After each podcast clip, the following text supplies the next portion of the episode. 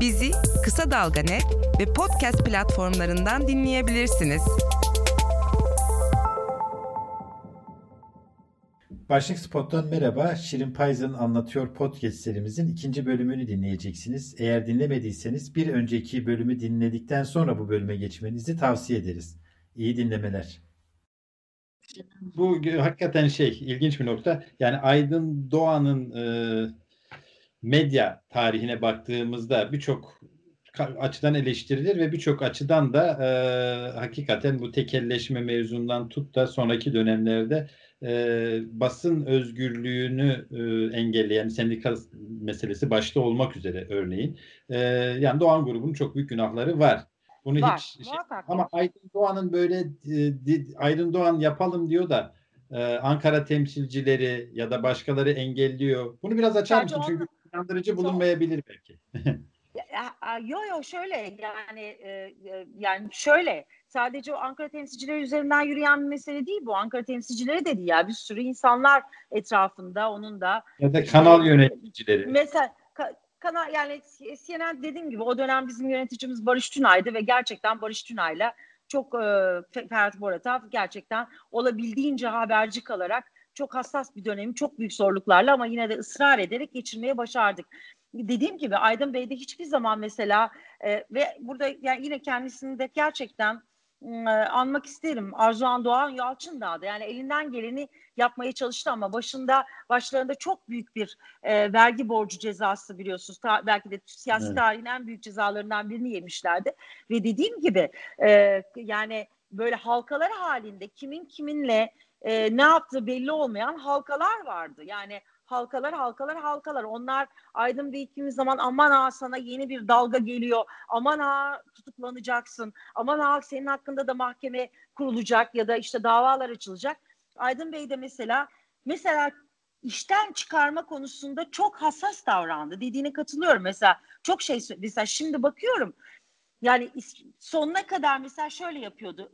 Çıkarmayalım bunu. Çıkarmayalım başka bir göreve koyalım ama sakın ha işten atmayalım. Mesela e, CNN Türk'ün bir döneminde evet kimi zaman ekrana çıkmayanlar oldu, kimi zaman ince ayarlar çekildi ama mesela işten atılsın diye kimse böyle yani tepeden inme çok e, emri vakiler hiç yap, yapılmadı, yaptırtmadı, yaptırtmamaya çalıştılar. Yani Aydın Bey'e burada hakkını vermek isterim. Biliyorum herkes farklı inanıyor ama iç, iç dengeler başka türlü olabiliyor.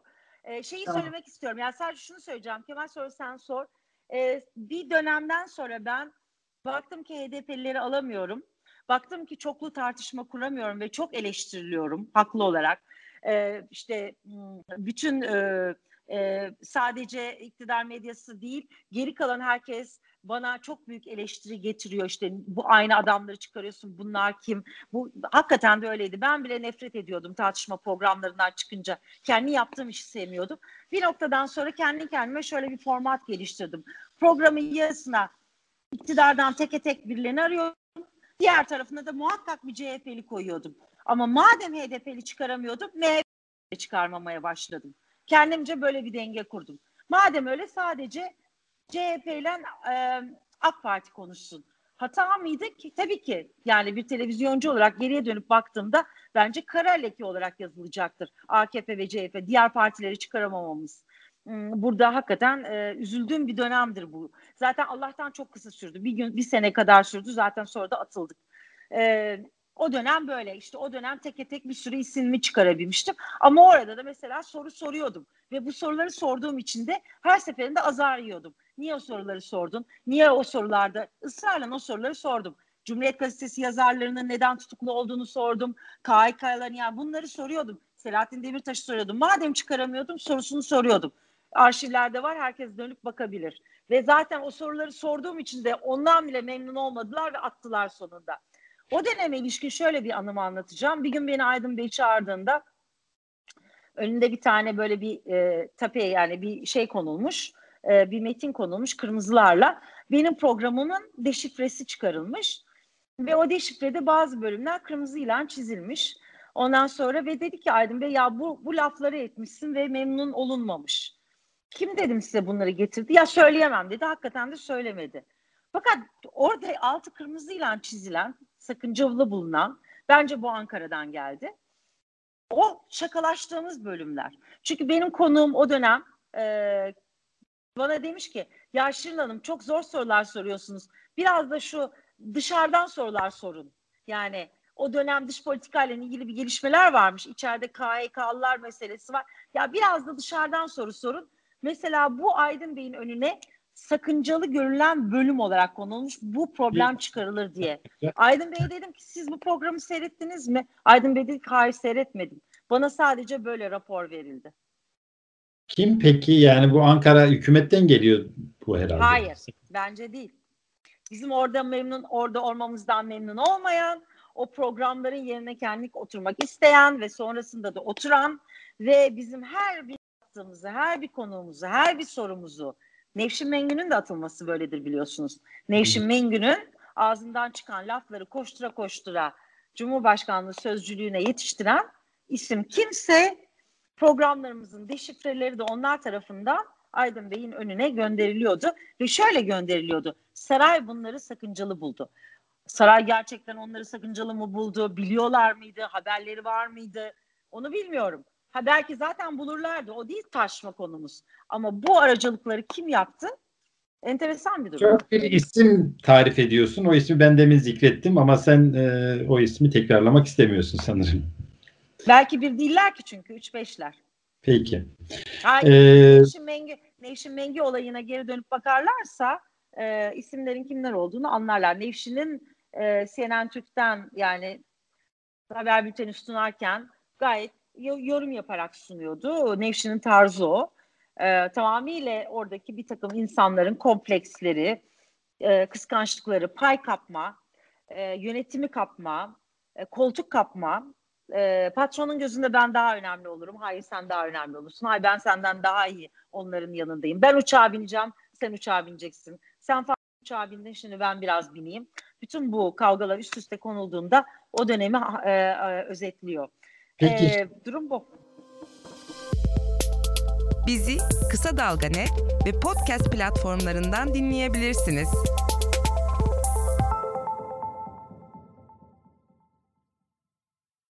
Var herhalde.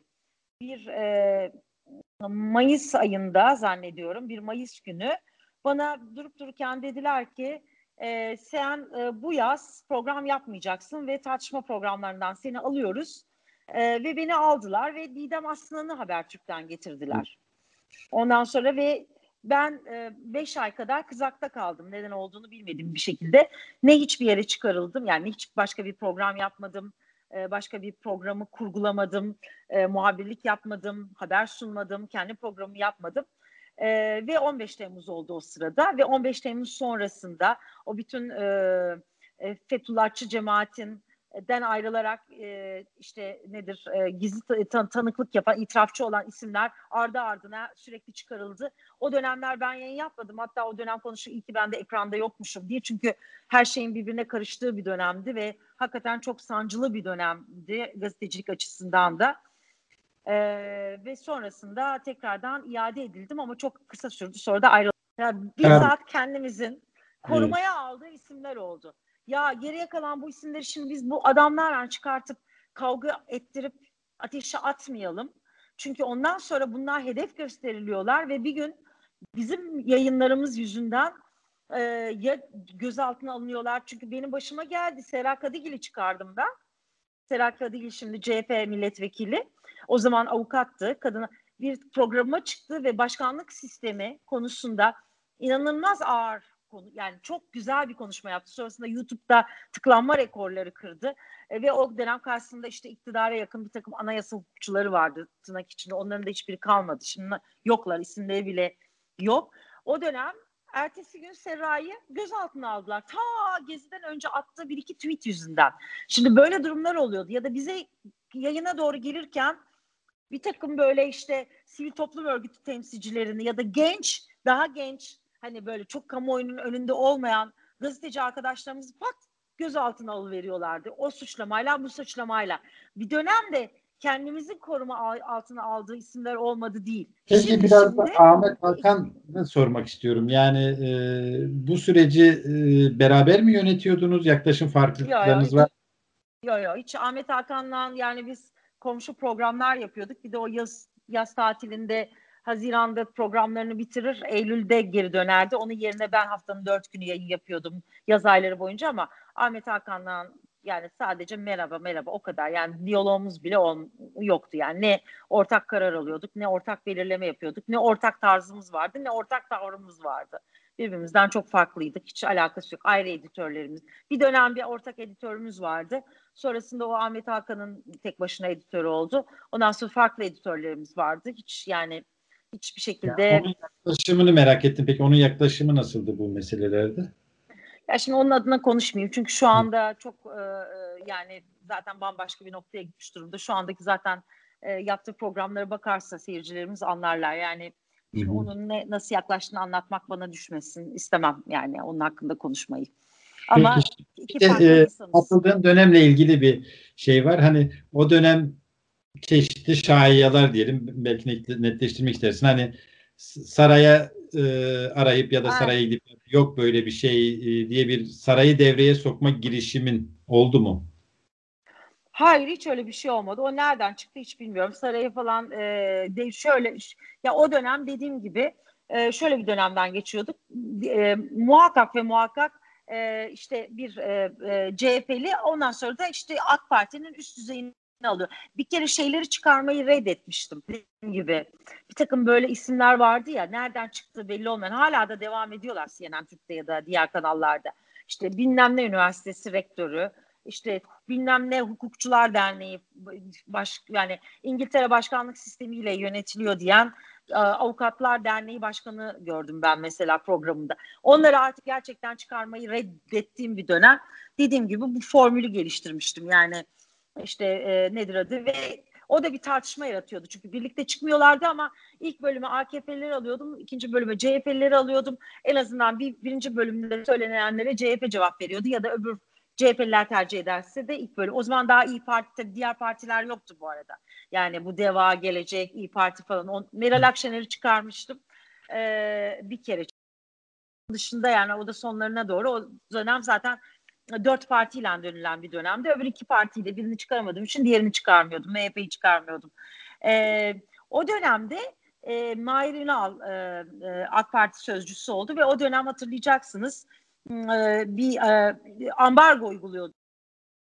Doğan medyaya çıkmama. Doğan medya gazetelerini okumayın, işte gazetelerini almayın, televizyonlarına çıkmayın diye. E, ve e, o dönem ben de bir gazeteci olarak sonuçta sonuçta biz gazeteciyiz. Ya ben sonuçta bir partinin temsilcisi değilim. Parti adı bir partiden yana tavır koymak gibi bir e, sorumluluğum da yok. Sonuçta başkanlık sistemi gibi bir sistem getirmeye çalışıyorlar. Elbette ki bunun muhataplarını sormak benim görevimdir gazeteci olarak. Bugün hala olsa yine sorarım. Yani her parti buradaki tek sorun diğer partileri çıkaramıyor olmamız. Yoksa AK Parti'ye soruyor olmamızın gazetecilik açısından bir sorun olmaması gerekiyor evet. bence. Ee, şimdi o dönemde ben de dedim ki ya o zaman İbrahim Kalın'a başvurdum mesela. Hiç çıkmayan bir isimdi. İbrahim Kalın da e, nedir adı? Kabul etti. Geldi. Nail Ünal o zaman dönem sözcü dedik ya evet dedi biz de düzgün dedi gazetecilere soru sorabileceğiniz gazetecilere soru, soru sormayı soru bize soru sorabileceğini düşündüğümüz gazetecilere çıkmak istiyoruz dedi. Ve o dönemde de İbrahim Kalın benim davetimi kabul etti. Geldi ben bunun içinde bir torpil attım. Doğrudan başvurdum. İbrahim Kalın, Mahir Ünal yardımcı oldu bu arada. Evet, e, sözcü olduğu için o belirliyordu hangi AKP'lilerin nereye çıkabileceğini. Öyleymiş yani sistemleri. Geldi İbrahim Kalın'dan bir tane yayın yaptık. Orada da bayağı bir sordum. Hatta bazı sorularıma da kızmıştı. Yani sinirlenmedi ama hani böyle ya bu, bu sorular işte taraflı falan diye. Sonra da gitti. Bir daha benim İbrahim Kalın'la hiçbir temasım, diyalogum olmadı. T24'e geçtikten sonra kendisinden bir röportaj talep ettik. E, ona da zaten cevap bile vermedi yani dönmedi bile. Bir keredir İbrahim Kalın almıyor. Ama şöyle bir şey oldu Kemal. İbrahim Kalın'ın bana çıkmasından rahatsız olan CNN Türk'ün içinden ve saraydan insanlar oldu. Vay efendim İbrahim Kalın gibi isimler sadece onlara çıkmalıymışlar. Nasıl olur da benim gibi muhalif bir isme çıkarlarmış. Bunun üzerinden bir kampanya yürüdü ve nasıl olduysa bu evrildi çevrildi. Ben İbrahim Kalın'a yalvarmışırıma geldi. Yani ne alakası var? Adamcağız sadece e, bir Cumhurbaşkanlığı sözcüsü olarak benim programıma geldi. Hakikaten de düzgün anlattı, konuştu. Ondan sonra da alasmadık, alasmadık ayrıldık gittik. Onun dışında benim İbrahim Kalın'dan hiçbir temasım olmamıştır dediğim gibi. Ama işte diyorum ya o dönem her şey o kadar birbirine karıştı ki beni karalamak isteyenler yok işte İbrahim Kalın'a ya İbrahim Kalın'a ben yalvaracak olsam zaten CNN Türk'te kalırım. Niye? ya da CNN Türk'te kalmanın yollarını bulurum. Ben de giderim oraya saraya tezgah açarım. Ben de bulurum giderim Aydın Doğan'ın Ay Aydın Bey ben de sizin işlerinizi kotarırım derim. Aman ben de o zaman o üslubu benimserim. Deli miyim ben? Yani Doğan Medya satılmadan önce şans eseri ben o dönem yönetimdeydi hala Arzu Hanım ve grubu. Ben, biz, ben o zaman gidip ya ben, benim tazminatımı verip de beni çıkarırsanız çünkü içeride 20 senelik tazminatım var. Ben CNN Türk'ün kurucu ekibindenim. Dedim. O dönem dediler ki e, ya satış yapıldı yani kağıt üzerinde yapıldı. Dolayısıyla bizim Demirören'e taahhüdümüz dahilinde senin gibi ekrandaki ön plandaki isimleri işten çıkaramıyoruz. Dolayısıyla Demirören devraldıktan sonra onlarla konuş bunu. Şu anda bizim sana tazminatını vermemize imkan yok. Anlaşmamız bu yönde dediler. Ben de onun için Demirören'i bekledim ve Demirören grubu devralır almaz o dönem bize genel yapılan, genel müdür yapılan Bora Bayraktar'a daha sonrasında bir kere aradım Meltem Demirören telefonlarıma dahi çıkmadı. Hiç bir şekilde sekreteri bile geri dönüş yapmadı. Onlara ben işten atılmak istediğimi söyledim tazminatımı verin ve ben gideyim dedim. Dolayısıyla ben zaten böyle saraylara mesaj yollayacak böyle şeyler yapacak olsam niye atılmak isteyeyim ki? Bakın ne güzel oturuyorlar hepsi. Güzel evet. güzel paralar kazanıyorlar. güzel güzel seyahatler yapıyorlar. Köşeler yazılıyor, röportajlar yapılıyor. Dolayısıyla asla böyle bir durum yok. E, Mahir Ünal da benim yayınıma geldi. Yani ondan sonrasında işte AK Parti'den meclis başkanını, grup başkan vekillerini aldım ve tamamen profesyonel çerçevede. Allah için onlar da profesyonel çerçevede kızdılar, e, sinirlendiler bana kimi zaman. Sonra da zaten çıkmayı çıkmaktan vazgeçtiler.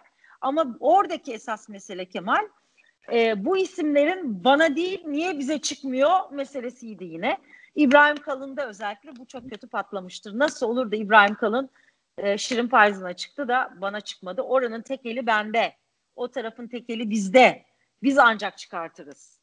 Buradan çünkü bir güç devşirme var. İbrahim Kalın bile bundan haberi olduğunu bilmiyorum var mıdır. Yani o hakkını yemeyeyim. O da geldi dediğim gibi düzgün düzgün konuştu gitti. Başka hiçbir şey yok.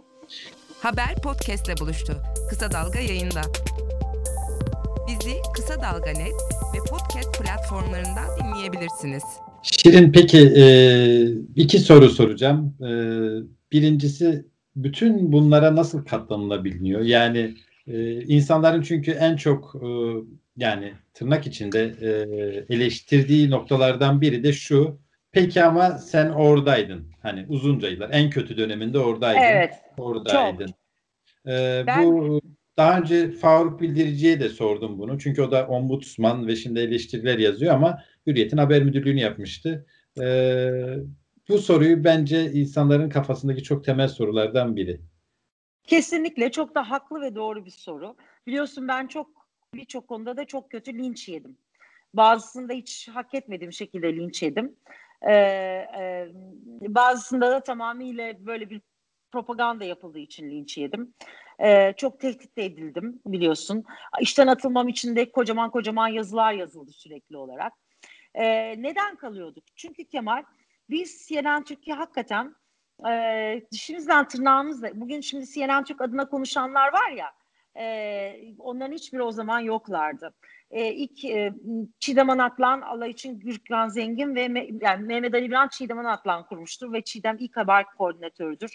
Benim de e, yani meslekteki ablamdır, duayenimdir. Çok da şeyler öğrenmişimdir kendisinden. Çok iyi bir gazetecidir. Maalesef ondan sonra ekranlardan uzaklaştı. ATV'de yıllarca birlikte çalıştık ve onun döneminde ben CNN Türkiye başladım. Ya o zaman tek rakibimiz ATV'ydi. Daha Habertürk doğru dürüst kurulmamıştı bile yani daha bebekti. Ve biz o dönemde hürriyet, e, şey Hürriyet'in ve e, Doğan Medya'nın arka bahçesi olarak görülüyorduk. Yani ciddiye bile alınmıyorduk. E, işte bir takım hürriyet yazarları gelip orada böyle sıkıcı sıkıcı programlar yapayım. televizyon programım da olsun diye bakıyorlardı. Biz de kocaman bir ekip olarak hayır televizyonculuk ciddi iştir ve biz haber televizyon e, e, haber kanalı yayıncılığında bir e, uluslararası standartlarda bir e, e, e, şey örnek oluşturacağız diye uğraştık. Hakikaten öyle. Yani ben ilk biz dişimizle tırnağımızla çünkü NTV'nin çok parası vardı. O dönem önce Cavit Çağlar sonra Ferit Şahin büyük paralar aktarıyordu. Hakikaten çok iyi işler yapıyorlardı. Şimdiki NTV'ye baktıkça ağlayasım geliyor. CNN Türkiye baktığım gibi.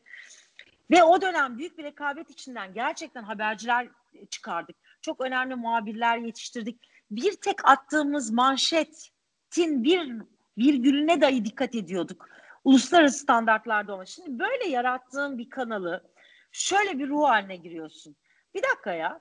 CNN Türk Aydın Doğan'ın Arzuhan Doğan Yalçın Dağ'ın hele hele Mehmet Ali Yalçın Dağ'ın kanalı değil. Mehmet Ali Yalçın Dağ sonradan buraya genel e, müdür olmuş olabilir. Bu kanal bizim kanalımız. Bu kanalın bütün ceremesini biz çektik. Bu kanalı e, efendime söyleyeyim en eksi 10 derecede Davos'ta yayınlar yaparken ben koşturdum. Herkesten önce bir röportaj alıp da NTV'yi geçebilmek için. Ben Agit'de bilmem işte olmadık röportajlara imza. Hillary Clinton'ı ben çıkardım. İşte Aliyev'i ben çıkardım. Bugün Lane geldi anlatabiliyor muyum? Ee, işte e, Salih Müslüm'ü ilk ben çıkardım. O dönemler bütün diğer arkadaşlarımız başka yayın inanılmaz programlar yarattık. Bütün programlarımız taklit edildi. Yeni gün hafta sonu programı televizyonların bir klasiği oldu. Ben sunmaya başladım ilk. E, ondan sonra bütün kanallar taklit ettiler. Şimdi sen böyle bir kanal doğurmuşsun ve gözünün önünde bir takım insanlar geliyorlar. Sonradan burada böyle elinden yayınların alınıyor, programların alınıyor, pro, ruhu gidiyor. O yüzden bizde bir direnme oluştu. Bu gazetelerde de oluştu bence. Yanlış mıydı? Hayır, bir direnme, bir mücadele. Çünkü şöyle bakıyorduk meseleye. Ya tamam Bunlar böyle iki üç tane acayip acayip adın adamı aptal aptal programlar veriyorlar. Ekran yüzü yapıyorlar. İşte hükümetin adamı. Okey ama biz haber merkezinde hala biz varız. Ve biz hala haberlerimizden fark yaratabiliyoruz. HDP'lilere ambargo mu uyguluyorlar? Her gün HDP'yi soracağım. Cumhuriyet Gazetesi yazarları cezaevindeyken onlara yeterince yer verdirtmiyor mu iktidar baskı kurarak? Her sorduğumda soracağım. Her seferinde Cumhuriyet yazarlarını sordum ben. Her seferinde cezaevinde bugün Kavala'yı sorduğumuz gibi. O dönem böyle bir direnç oluşturuyorsun.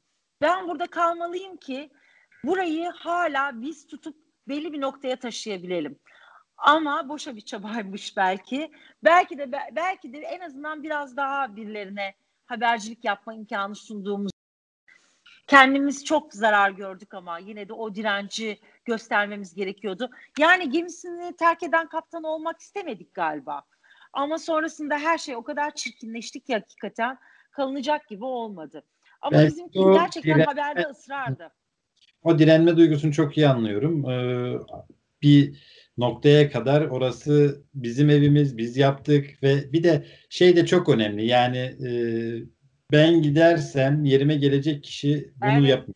O duygu da önemli. Tabii gazetecilikte e, bunlar çok önemli ama herhalde şöyle bir nokta da var. Artık durulmayacak durum ya yani artık emin evet. olmaktan çıktığı noktada da e, zaten ya onlar ayırıyor yolunu ya da e, insanlar ayrılıyor. Vallahi şöyle söyleyeyim. E, Bora Bayraktar bize e, Demirören e, taraf yani kayyum atandıktan sonra diyelim CNN Türkiye Demirören grubu aldıktan sonra e, Bora Bayraktar genel müdürümüz oldu. Hayattaki en büyük hayal kırıklıklarımdan bir tanesidir.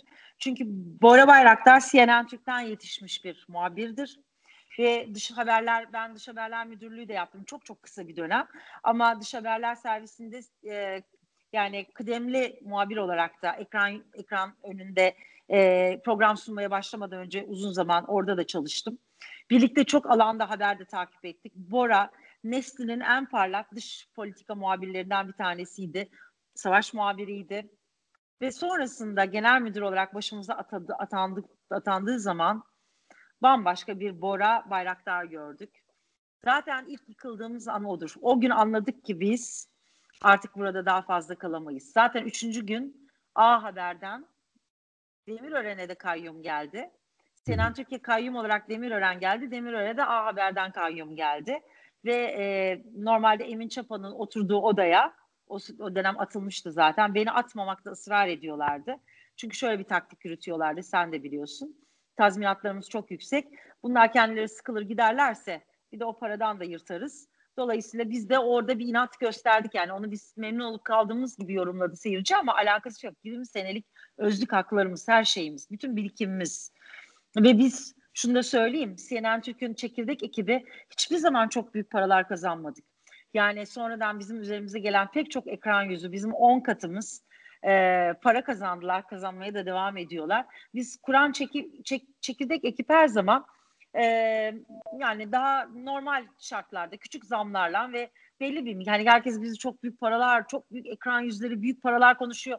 Hiçbir zaman öyle bir durum yoktu. CNN Türk'ün parası zaten o kadar yoktu. E, ve bu haklarımızda yeni e, yani Aydın Doğan onun için söylüyorum her şeye rağmen Doğan Holding kurumsal bir yerdi her şeye rağmen haklarımız korunuyordu her şeye rağmen kurumsal kimliğinin son dakikada hem Arzuhan Doğan Yalçın'da bakın sadece Arzuhan Doğan Yalçın'da diyorum e, ve Aydın Bey diyorum ikisi e, özellikle Aydın Bey geçmiş tercih, ter, e, tecrübelerinden yola çıkarak denge ama Bora Bayraktar o masaya oturduğu gün itibariyle artık burada bir tek manşet bile atmanın bir değeri kalmadığını görmüştük. O gün gitmemiz gerekiyordu. Bir ay, iki ay ve en fazla üç ay sonra da zaten hepimiz gittik sırayla bir, iki, üç diye gitti. E, dolayısıyla dediğin doğru. Yani oradaki tek derdimiz bizim yetiştirdiğimiz muhabirler burada daha iyi olsun. Aman şu haberi de biz daha önce görelim. Ya Suat Toktaş bugün Halk TV'nin genel yönetmeni birlikte çalışıyoruz. Suat şöyle derdi.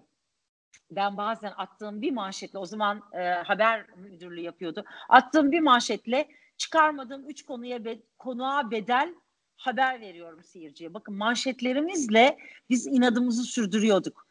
Haberciliği yapacağız. Evet. Ee, bizden yapılmasını istenmedikleri şeyleri yine de manşetlerimizle vereceğiz. Bir sorumuzla vereceğiz, manşetle vereceğiz. Bir tavrımızla vereceğiz, bir duruşumuzla vereceğiz. Bu bir gazetecilik inadıydı. Yenildik. Peki şunu sormasam bana kızarlar. Bugünlerde Twitter'da e, bir Me Too hareketi e, başladı ve e, kadınlar uğradıkları tacizleri anlatıyorlar. İki yayın evi de taciz iddialarıyla gündeme gelen iki yazarla sözleşmelerini feshettiklerini duyurdu bugün. Medyada bu işler nasıl diye sormak istiyorum. Yani kadınlara yönelik taciz konusunda medyanın sicili nasıl sence?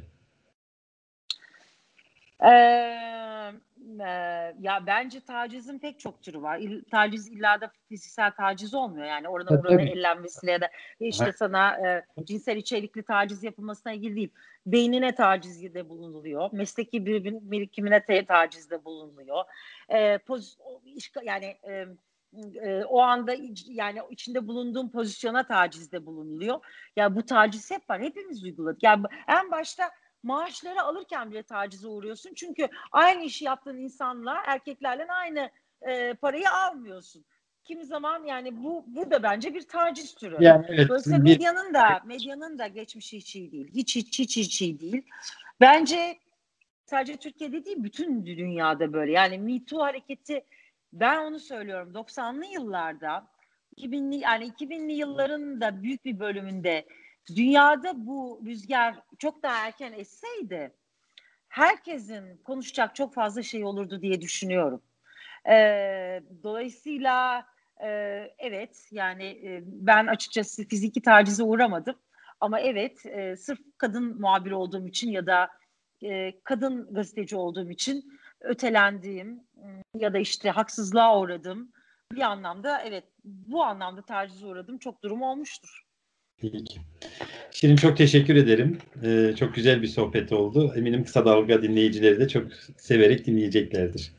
Çok teşekkür ediyorum. Elbette daha konuşmadığımız bir sürü bir sürü şey vardır. Ama e, sen orada, biz burada e, hala ısrarla devam ediyoruz. Bence bu çok önemli. E, ileride bizleri yazacak diye diyor. Ama muhakkak bizlerin de eksiği olmuştur yani. hani sen, ben, başkaları. Evet. E, benim belki daha çok eksiğim olmuştur ama e, direnmek ve inat etmek kolay diye düşünüyorum. Madalyonların çok farklı yüzleri olduğunu düşünüyorum. E, medya tarihine de bu notları düştüğün için çok önemli bir iş yaptığını düşünüyorum Kemal. Çok teşekkürler. Çok teşekkürler. Sağ olun. Bizi Kısa Dalga Net ve podcast platformlarından dinleyebilirsiniz.